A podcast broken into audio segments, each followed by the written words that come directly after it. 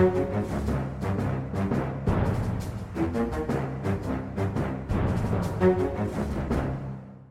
kjører i gang. Velkommen til en ny utgave av Aftenpodden, vår politiske podkast. Jeg er politisk journalist Lars Glomnes. Med meg har jeg politisk redaktør Trine Eilertsen. God dag, god dag. God dag.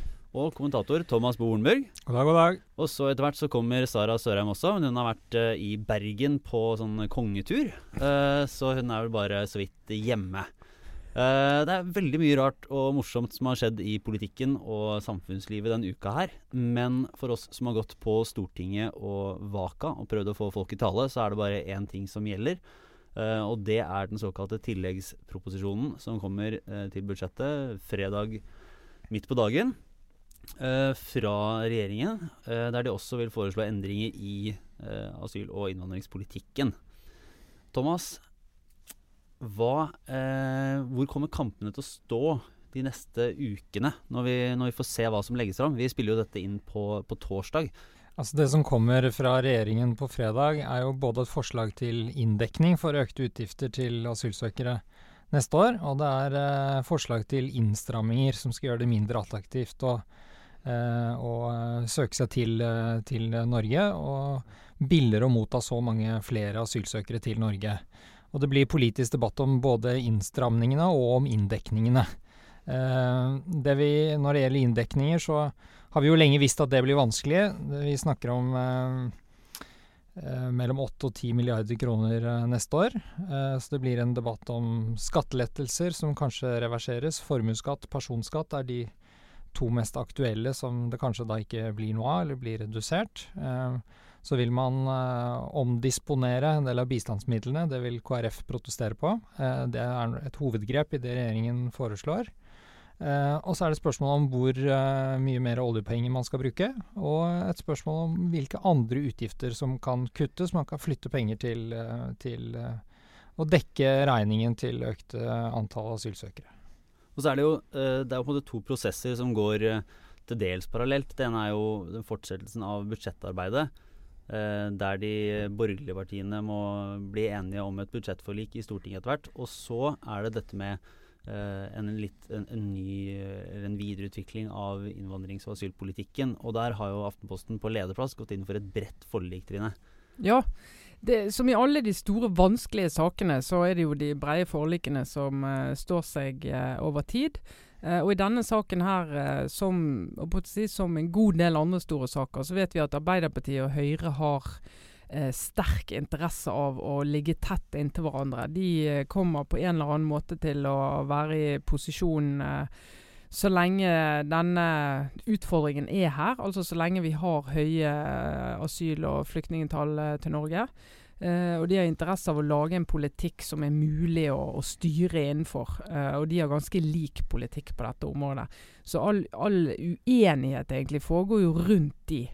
Uh, og da nå kommer vi til å se i sentrum, som kommer til å utfordre regjeringen på noen områder, særlig KrF. da.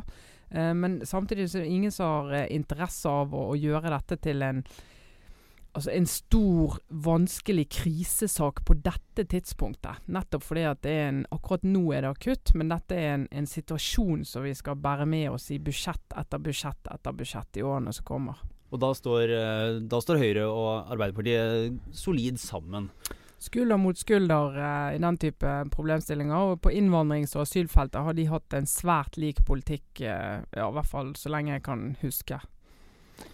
Så det, det, vi kan forvente, er, er, egentlig to spor. Det ene er budsjettforhandlinger, som vil eh, foregå i finanskomiteen i Stortinget, hvor de borgerlige partiene er nødt til å finne sammen. Og så blir det samtaler om eh, innstramninger, om de litt lengre linjene i innvandrings- og integreringspolitikken. Og der tror jeg Høyre spesielt vil være veldig opptatt av å få Arbeiderpartiet med. og jeg forstår Arbeiderpartiledelsen sånn at de hele veien også har vært eh, innstilt på det og gitt signaler til statsministerens kontor om at de ønsker å, å være med på en sånn avtale, så jeg tror også det kommer i stand.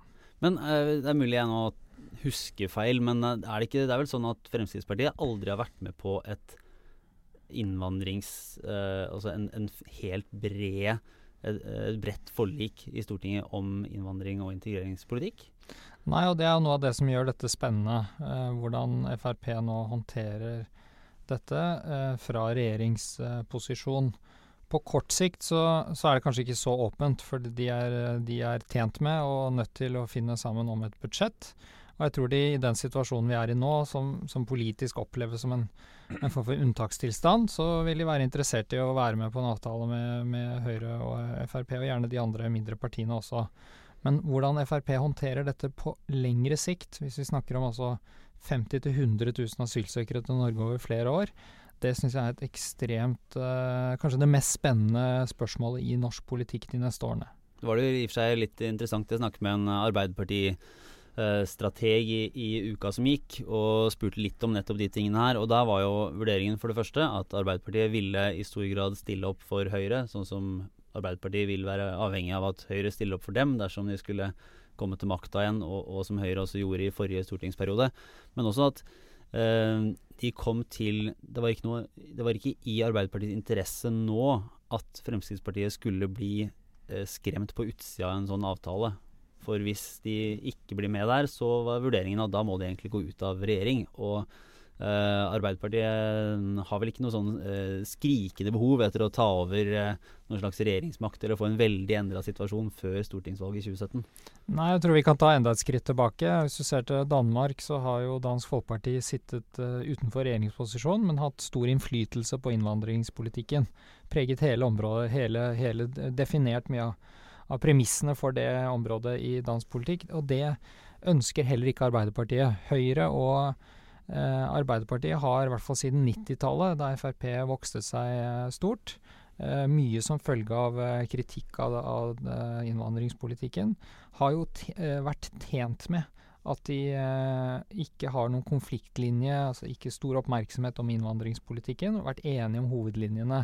Eh, og det ønsker, eh, FR, eh, Arbeiderpartiet ønsker ikke et Frp som forsvinner ut av, av, regjering, og som kan vokse seg stort på en misnøye med et så høyt antall asylsøkere som det nå ser ut til at vi får de nærmeste årene. Og det er jo interessant at egentlig, i hvert fall så langt, så får jo norsk politikk betalt for at vi, vi har hatt en relativt fornuftig debatt om dette området i mange år. Eh, Frp har vært med i den politiske diskusjonen og i utforming av politikk de siste årene. Sitter nå i, i posisjon, og så drar du til Sverige og ser der alle de tradisjonelle partiene nok en gang har laget et uh, bredt forlik med Sverigedemokraterna på utsiden. og Det er gode forklaringer på hvorfor de gjør det. Uh, men da har de altså et parti på utsiden som uh, på noen målinger er oppe på godt over 20-tallet eh, som ikke er med å påvirke politikken, og som jo kommer til å suge opp i seg all videre misnøye med en svært, svært stor eh, asyltilstrømming til Sverige. Og vi ser eh, det som skjer på mottakene i Sverige, og påtenning og bomber. og Det er virkelig ganske dramatisk. Det, er liksom brist, det brast litt eh, i Sverige i år på det området, og, og nå utvikler de en politikk som er strengere. Eh, de er blitt tvunget til å gjøre det i løpet av bare noen få måneder. Og det er et voldsomt sånn Det er den eneste saken i eh, svensk politikk, og det har jo ingen norske politikere interesse av at det skal bli her. Vi må forbi krisen og liksom det akutte. Komme inn i en eller annen fornuftig driftsfase som gjør at det går an å snakke om andre, andre ting også. Jeg lurer på en ting som har vært Når man snakker med, med kilder i regjeringspartiene, så sier de jo når de når de legger opp denne Altså kutter i budsjettene for å få dette til å gå opp for neste år, så er, har det vært viktig å ikke sette ulike grupper opp mot hverandre. Altså Man skal ikke ta sørge for at f.eks. Uh, altså, pensjonistene eller barnefamiliene eller de som uh, kjører bil, skal liksom bli sittende med den synlige regninga for uh, flyktningstrømmen til Norge og, og de kostnadene. Men eh, den, de som ser ut til å, å måtte betale, sånn, eh, i hvert fall hvis man skal følge retorikken til eh, KrF og vel også SV, er jo bistandsmottakerne ute.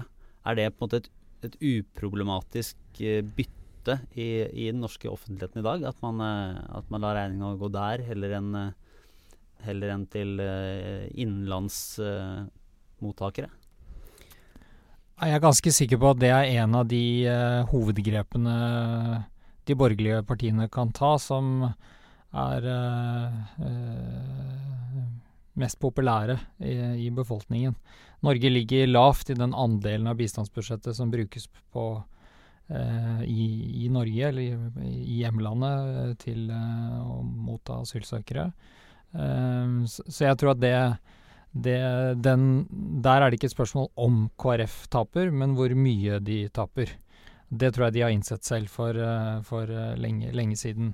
Så kjøper ikke jeg helt uh, retorikken fra særlig Høyre om at ingen skal tape. Dvs. Si jeg tror ikke den bekymringen stikker så dypt. Hadde den stukket dypt, så hadde de lagt fram et statsbudsjett hvor det var holdt av penger, så å si, til det de visste da de la fram statsbudsjettet, kom til å bli utgifter i milliardklassen til, til asylområdet. Det gjorde de ikke, eh, så jeg tror det for eh, Høyres del også, og ikke minst, handler om at de ikke ønsker å gjøre endringer som er veldig upopulære. Men det er jo det er her og nå, det er dette budsjettet. Eh, på sikt tror jeg det er umulig å komme utenom at altså, Når vi sier i et statsbudsjett at vi skal ikke stille svake grupper opp mot hverandre, vel nå er det det som er å prioritere eh, og si at den svake gruppen skal få litt mindre i år enn den eh, svake gruppen skal få, og neste år er det kanskje annerledes. Så Sånn vil det jo være i fortsettelsen. Og vi får en stor innvandrerbefolkning til Norge eh, som kommer til å være en av de svake gruppene i neste års budsjett, og budsjettet etter det. Eh, og Da skal vi diskutere hvordan eh, de skal konkurrere om, eh, om, millionene og milliardene sammen med andre svake grupper og andre grupper i Norge. Så du vil jo få den diskusjonen uansett. Men jeg tror politikerne er opptatt av at den ikke skal komme akkurat i høst. Uh, og at du skal få en litt sånn litt sånn hatsk stemning eh, mot, eh, mot, det faktum at Norge må, vil og skal ta imot svært, svært mange asylsøkere i, i månedene som kommer. Så vi kan på en måte ikke begynne med at holdningene i befolkningen eh, blir negative allerede nå. Og Da eh, får vi vel runde av for det temaet. Nå skal vi se om vi klarer å finne Sara Sørheim et eller annet sted, og la henne fortelle om sin eh, ekskursjon ut i landet og fjesking med den første statsmakt, eller hva skal vi kalle det? Da var hun. Hallo. jeg er kommet hjem, heldigvis. Du har vært i Norges vakreste by. Ja, vet du hva. Faktisk, eh, da jeg forlot Bergen i går, var det vel, så tenkte jeg at uh, dæven, det er pent her. Ja, ja, jeg kjente litt på en slags uh, kjærlighet i Bergen, så du har hatt en viss innflytelse på ja, meg, var, Trine. Men uh, kan du ikke fortelle hva du, har, hva du, har, gjort, og om dette er forsvarlig i det hele tatt? jo, altså jeg har vært uh, deltaker på kronprins Haakon sitt seminar for unge ledere, som heter Sikt. Det er tredje gangen de arrangerer det i år. Uh, og det er folk fra hele landet mellom 20 og 40 år som er invitert. Uh, ledere, da. På, I alle mulige slags forskjellige bransjer. Uh, det var vel tre-fire mediefolk der. Men stort sett så var det fra altså mennesker med ordentlige jobber.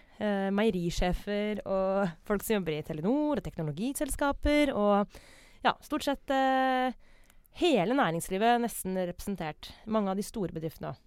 Men eh, FPU-leder Atle Simonsen var jo ute i en sak i VG og sa han hadde blitt invitert til dette to ganger. Eh, men, uh, men, takket nei, fordi han mente at det her var, det her var det kronprinsen som nærma seg han nærmet seg politikkens sfære og mente at uh, dette var ikke noe kronprisen burde drive med, og ikke en, uh, et sted uh, Simonsen burde være. Du kastet deg begjærlig over muligheten til å, til, å, være i nærheten av Hans Kongelige Høyhet. Tradisjonen tro i Aftenpodden, mm. så sier vi ja til sånt. Altså, etter at Trine var på Bilderberger-seminar, så føler jeg egentlig at jeg kan ikke gjøre noe galt når det gjelder å menge meg med, med shady folk. Trine Men, har dronning Beatrix. Du har kronprins Haakon. Nei, men, men eh, jeg skal jo ærlig innrømme at jeg tenkte, jeg tenkte, mye på det før jeg meldte meg på. Jeg var litt usikker. Jeg konfererte bl.a. med Trine og noen andre. og, eh, og, Moralske sånn le, ledestjerne i spørsmål som handler om hva man skal delta på og ikke. Mitt kompass i livet, Trine Eilertsen. Uh, men uh, årsaken til det var jo nettopp at uh, Håkon sin rolle Uh, den ja, rollen han prøver fornavn, ja. Han har jo ikke etternavn, Lars. Det burde du vite om de kongelige. Så dette er det eneste gangen man kan name-droppe uten at man egentlig trenger å være flau. han, eh, han former jo nå en rolle som han prøver å være komfortabel med selv. Den er det ganske få andre som er helt komfortable med. Han ønsker å være kronprins på en moderne måte. Det skjønner jeg egentlig ganske godt. Men det, det skaper noen dilemmaer. Og med en gang han toucher det politiske, så er han jo ute å kjøre. Og jeg var usikker på om det var riktig å være med på det seminaret, fordi eh, om det kunne leses som at jeg på en måte legitimerer eh, denne nye rollen hans. Men eh, min vurdering var todelt. Det ene var at dette seminaret ser ikke jeg som så veldig problematisk. Og etter å ha vært der, enda mindre problematisk, egentlig. Fordi eh, det var altså Det var så upolitisk og så ukontroversielt, det som foregikk der, at jeg syns ikke dette i seg selv eh, på noen måte utfordrer den nøytrale kronprinsrollen. Jeg kan jo komme litt mer tilbake til Mm. liksom, innholdet. Og det andre var rett og slett at eh, jeg er tilhenger av at man som journalist skal skaffe seg all informasjon man kan. Jeg ville vite hva som foregikk der, rett og slett. Det, det, akkurat det siste støtter jeg fullstendig. Det jeg lurer på er uh, Så Eva Grinde i Dagens Næringsliv skrev jo litt om om eh, altså det at man blir invitert inn av eh, Håkon med eh, håndskrevet og så å si invitasjon, og du er spesielt utvalgt, og du skal få være med. og Får inn en del mennesker som er, har roller som gjør at de kan påvirke ganske andre mennesk, eh, mange andre mennesker. Eh, altså, man kan jo se det som en måte å sikre oppslutning rundt monarkiet på. Eh, Ja, men Det er kanskje det mest problematiske med, med det hele, er jo det at han eh, rekrutterer eh, elitefolk, da, eller eh, mennesker, altså ressurssterke mennesker, og at du indirekte skaper noen bindinger der. Eh, bare det at man får lov til å komme, gjør sannsynligvis ganske mange potensielt, i hvert fall positivt innstilte, da. Eh, så, jeg tenkte faktisk litt på det når jeg var der, at eh, hadde Håkon, eh, som han heter, og hans kone kun invitert mennesker fra dette samfunnslaget inn i sitt arbeid, så ville det vært problematisk. Nå har de jo heldigvis en del andre prosjekter. De har gjestebud på Skaugum, hvor de inviterer folk fra hele samfunnet. Men det er klart, det bygges jo opp et miljø her Mm. eh, som er ganske positivt innstilte. Og eh, det å observere hvordan kronprinsen ble utsatt for eh, smalltalk-forsøk eh, underveis her. Altså det, det er litt som en honningkrukke hvor, hvor det bare svermer bier rundt. Og folk er veldig interessert i å bli kjent med han, virker det som. Eh, og det å liksom komme inn i kretsen. Så akkurat det, Trine, syns jeg kanskje er det mest sånn Altså de uformelle maktstrukturene som bygges der, det er kanskje det mest problematiske med hele Mm. opplegget. Som, for, som forsvares av, eh, av kommunikasjonssjef eh, ved Slottet, Marianne Hagen, som eh, det må være lov å skape noe også for de aller flinkeste. Det er litt det der. Det må være lov å være flink også. Men eh, i fjor Det de har gjort da, for å rydde opp litt I fjor så hadde de jo både med seg eh, konsulent, en konsulentgruppe, BCG, til å hjelpe seg. Og de hadde en del sponsorer som ikke var åpne. De hadde også skjult Altså, gjestelisten var ikke åpen. Pluss at tematikken i fjor var omstilling, og, og der var det bl.a. en debatt hvor skatt og norsk skattepolitikk var et tema. Det syns jeg også er ekstremt problematisk at kronprinsen initierer. I år var temaet ledelse, og det var altså Og det er jo automatisk litt mer wishy-washy. Ja, det er wishy-washy. Jeg For- vil bare minne om at vi skrev en leder i fjor høst eh, i tilknytning til den forrige konferansen der Aftenposten skrev at eh, kronprinsen med tittel 'Kronprinsens dårlige rolleforståelse' er en av de mest leste lederne våre fra året som gikk, for øvrig.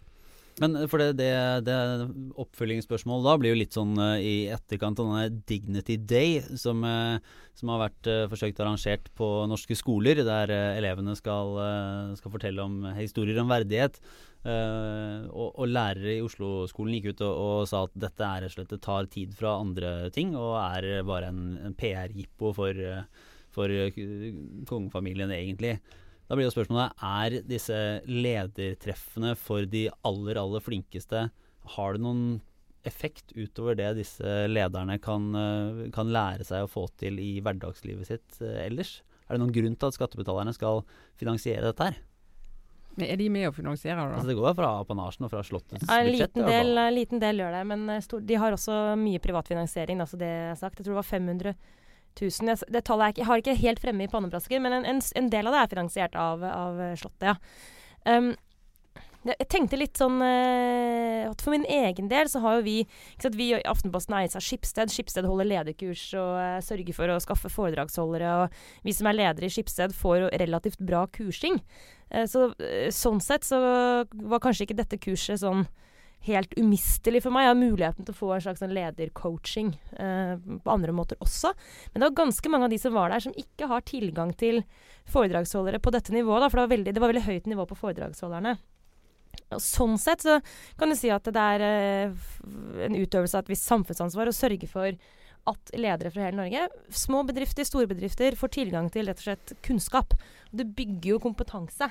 Det, er, det tenker jeg, det, det, er egentlig bra, det. Det er fint uh, at, at, det gjøres. Det trengs. Det var gode foredrag, noen ikke fullt så gode. Men problemet med det er at med en gang kronprisen skal fylle dette med en slags eller når han skal male en høyere himmel over prosjektet sitt, da, blir det, da går det fort galt. Fordi han kan ikke si noen ting. Han kan ikke si hva han egentlig vil. Han kan ikke mm. si at han ønsker å bruke dette til et verktøy utover at han sier at det er fint å samle mm. flinke mennesker. Og han sier at han håper det skal oppstå noe ut av dette. Men eh, ordene han bruker altså Han, han, han sa åpning, i åpningstalen Jeg er opptatt av verdighetsledelse. og, når jeg googlet verdighetsledelse, så er det faktisk ingen på hele internett som har brukt det ordet, bortsett fra kronprins Haakon. Og det sier litt om hvor trøbbel han har med å finne formuleringer som skal både føles som om de inneholder noe, men samtidig ikke støte noen. Og da blir det fort, uh, det blir fort luft, da. Men det er, jo, det er, jo, to poenger. Det ene er jo kongefamilien vår som er blitt en egen sånn uh, nyordfabrikk, må jeg si. Det har vi jo flere gode eksempler på, syns jeg. Ja, adrenalinsint. Uh, vi nevner i fleng. Um, ja, det husker jeg når Mette-Marit skulle være sånn trainee i Norad. så var det var Grunnen til at hun fikk lov å være der, var at hun hadde stor undringskompetanse. Så kanskje et av mine Ja, altså verdighetsledere med undringskompetanse. Altså, men for men, en men det, eh, andre, det, andre, poenget egentlig var jo det at fra tidligere jo, ble jo kongefamilien invitert rundt, og det blir det nok ennå, i hele landet for å komme på åpninger og ting som skjer rundt omkring i landet. Men nå har de begynt med litt sånn oppsøkende virksomhet. sant? Det som jo er litt uheldig for uh, kongefamilien, er at Trine Eilertsen, politisk redaktør i Aftenposten, bare klarer ikke å snakke, for hun ler så fælt når hun tenker på hva slags jobb men, de har. Men, ja, men, men eh, jeg tror, jeg tror, vi kan gå fra, fra en uh, anklage om uh, humbug til en annen. Du Kan jeg bare fortelle ja, en ting til? Altså, jeg kan ikke fortelle alt som skjedde der. Ikke fordi jeg ikke får lov. Faktisk ikke noe sånn pålegg om å, om å holde kjeft, men uh, rett og slett fordi det har vi ikke tid til. Men et, en observasjon bare, som ikke går på kongefamilien, men på oss andre. Så Vi er så dårlige på protokoll og rett og slett bare hvordan vi skal forholde oss til ja, litt sånn f.eks. kongefolk. da. At folk var enten flaue i nærheten av Håkon eller bare litt sånn, sånn Thomas André, hvis du husker den karakteren til Harald Eia. Sånn, late som ingenting.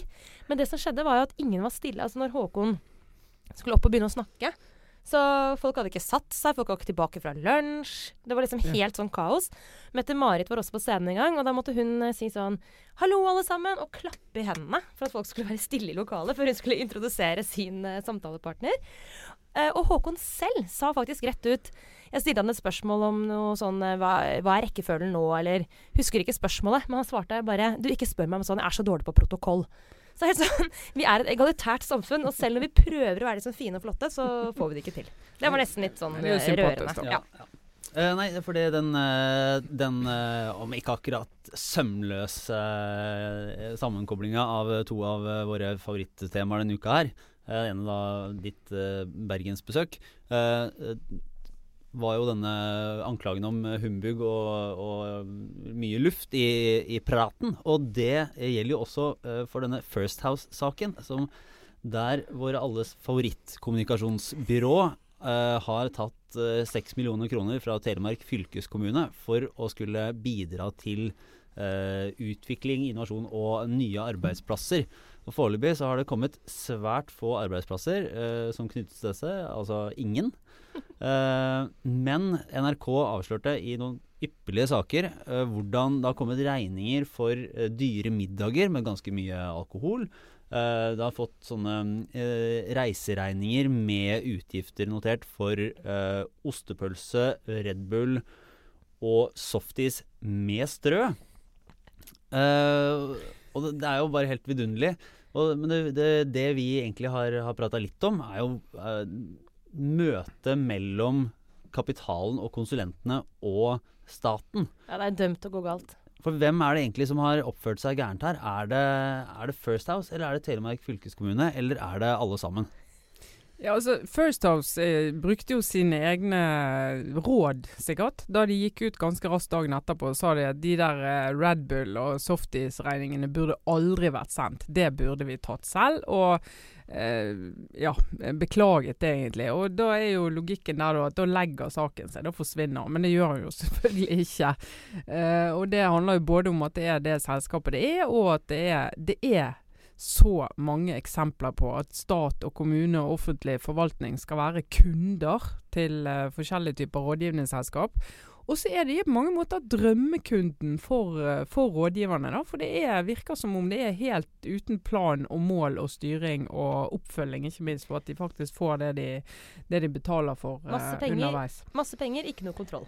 Ja, altså, altså Hvis det er noen du skal gå etter, er det jo de som kjøper tjenesten. Nok en gang så er det de som kjøper tjenesten. Om de er, er tydelige nok i bestillingen sin, om de er kravstore nok underveis, om de greier å sette foten ned tidlig nok hvis de ser at det ikke blir noe av det de hadde tenkt det skulle bli noe av. Uh, og når det, summene kommer opp i seks millioner på et uh, fylkesbudsjett, så er det en betydelig andel penger. Og vi vet det må liksom få noen inn og skape arbeidsplasser det, det skal, Hvis man kunne betalt 6 millioner en, kroner og ja. fått 300 arbeidsplasser, så hadde flere gjort det. Ja, vi hadde jo det. Men så er jeg enig i at det, an, altså ansvaret sånn, eh, for å ha håndtert denne saken dårlig, ligger jo hos oppdragsgiveren, eller kunden, da, altså Mm. fylkeskommunen. Som jo uh, tilsynelatende har sløst bort 6 millioner eh, offentlige kroner på noe som uh, foreløpig i hvert fall ikke har eh, båret en eneste frukt. Så det er, det er jeg helt enig med deg, Trine. At det er, det er på en måte Du kan nesten ikke anklage First House for å gjøre det de gjør, nemlig skaffe seg penger. Det er jo et, eh, det er målet for det firmaet. De har ikke noe hellig type samfunnsansvar eller noe annet som de skal leve opp til. De skal, de skal tjene seg rike. Mm. Men samtidig så er det også helt påfallende hvor utrolig dårlig omdømmeselskaper, PR-selskaper og kommunikasjonsbyråer er på å ivareta sitt eget omdømme. Det er, nesten, det er, det er så komisk at Det eh, er Skomakerens barn, rett og slett. ja, og at de, at de ikke skjønner For det første kan de kanskje ikke offentlighetsloven, jeg vet ikke, men de må jo bare tenke litt på at eh, alle bilagene som de leverer inn til en offentlig instans, eh, kan man be om innsyn i. Og da må du ikke bare Du må bare ikke levere inn regning på baconpølse eller var det ostepølse og softis med strø. Altså, det er bare så latterlig, og for det så fortjener de faktisk tyn. Kanskje ikke moralsk, men bare for kløneri. Mm. De skal drive med kommunikasjonsstrategi. De kan det jo ikke. Det er helt komisk. Knallhard dum der. Også, Ja. men, men så må jeg også si en av mine eh, hemmelige kjepphester, det er jo at uten, altså uten konsulenter så har det blitt veldig dyrt å drive Norge, faktisk. Eh, og konsulenter har jo en litt sånn eh, dodgy eh, klang, eh, og vi elsker jo å lage saker der se konsulentbruken har økt, og nå bruker de mye, og i fjor brukte de litt mindre, og det bare øker. Eh, og det er egentlig en god ting, for det alternativet til veldig mange av disse konsulentene på forskjellige områder, det er at du har fast ansatte i departementer, i kommuner, rundt omkring overalt, som sitter og løser en oppgave som kanskje er tidsbegrenset. Eh, og som du da eh, ikke har noen oppgaver til om et år eller to. Og det, Da er det helt riktig å ha inne konsulenter en periode som ikke minst er spesialister på det de skal løse. F.eks. så eh, har de vært inne i tilsvarende endringsprosjekter eller tilsvarende implementeringsprosjekter hvis det er noen ny teknologi eller et eller annet sånt, som gjør at de vet noenlunde gangen i det eh, fra andre steder de har vært, og kan komme inn og få ting til å, å, å gå raskere enn de gjør hvis alle skal oppfinne kruttet på nytt rundt i sin egen organisasjon. Så hvis vi nå Det kan jo ting tyde på nå at vi går ut av denne Aftenpodden-sendingen med litt sånn mild støtte til kronprinsen og konsulenter. Det må vi, det må vi tenke litt på, Trine, sånn omdømmemessig. Men det får vi ta på Ja, men det må være motstrømssaker, du. Men vi kan jo, det, det her, den helt siste poenget denne uka har jeg Det er egentlig ikke så veldig mye å si alvorlig om det, men det er så fantastisk morsom sak at det må nevnes. Eh, VG hadde en utrolig god avsløring som vi gjerne skulle hatt her selv, i både, både som sak og som et godt, men ubekreftet rykte i Aftenpodden. Uh, om hvordan arbeidsminister Robert Eriksson og uh, rådgiver Ulrikke Holmøy var på uh, baren The Star, en karaokebar i, eh, i Oslo sentrum. Og til slutt ble bortvist fordi de maste så mye om å få synge karaoke. De mente det tok så lang tid. Ja, og eh, rådgiveren prøvde å si 'vet du ikke hvem dette er', det er arbeidsministeren, han burde få komme foran i køen. Det er et av de beste eksemplene på 'vet du ikke hvem dette er', som jeg har hørt på, på lenge. Det imponerte ikke eh, karaokeinnehaveren. Nei, Så- Gary, eh, karaoke-DJ-en, han eh, hadde fått et råd eh, fra sin kompis for mange år siden, så det husker han på. Og det er at Hvis du føler deg litt usikker eller overvelda av noen andre, så kan du bare tenke på hvordan det ser ut når dronninga sitter på do. Det er akkurat som vanlige folk. Og det hadde hun ikke glemt. Men den uh, avskjedshilsenen også må bare gjentas her, altså. Som eh, hun rådgiveren eh, Hva var det hun sa til Nei, hun Anders? hadde sagt uh, at, uh, at du er gammel og stygg, hadde hun sagt. Til, uh, til denne Gary. eh, som hadde svart eh, Det blir du også snart. Det som er så herlig med denne saken, det er mange ting som er herlig, men det jeg liker så godt, og det er nesten litt sånn trygt og fint, det er at eh, Fremskrittspartiet de, de leverer på kjerne. Altså når, de på, når, når det er en sånn skandale, sånn type litt sånn fylleskandale fra en sentral Frp-politiker, så er det ikke sånn at han blir kasta ut fra Bristol eller, eller Bagatell. Da er det en karaokebar, Star karaokebar, som jeg ikke egentlig visste at fantes engang, men som er stamstedet til Frp. Det er liksom litt sånn, eh, det er deilig, det er gaven som fortsetter å gi. Da vet hvor vi legger Aftenpoddens julebord. Eh, men eh, med det så takker vi for oss for denne gang. Eh, Trine Eilertsen, Sara Sørheim og jeg, Lars Glomnes. Ha det bra.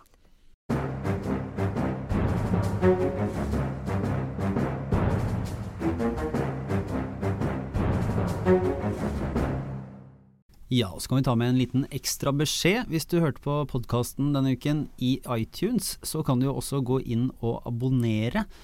Da får du den neste utgaven rett i telefonen din uten å måtte gjøre noe som helst. Eh, Det gjør du ved å søke på Aftenpodden i eh, iTunes-søkeren, og så er det bare å trykke på abonner og vente på neste utgave. Gi oss også gjerne en stjernerating i iTunes hvis dette er noe du vil anbefale til andre.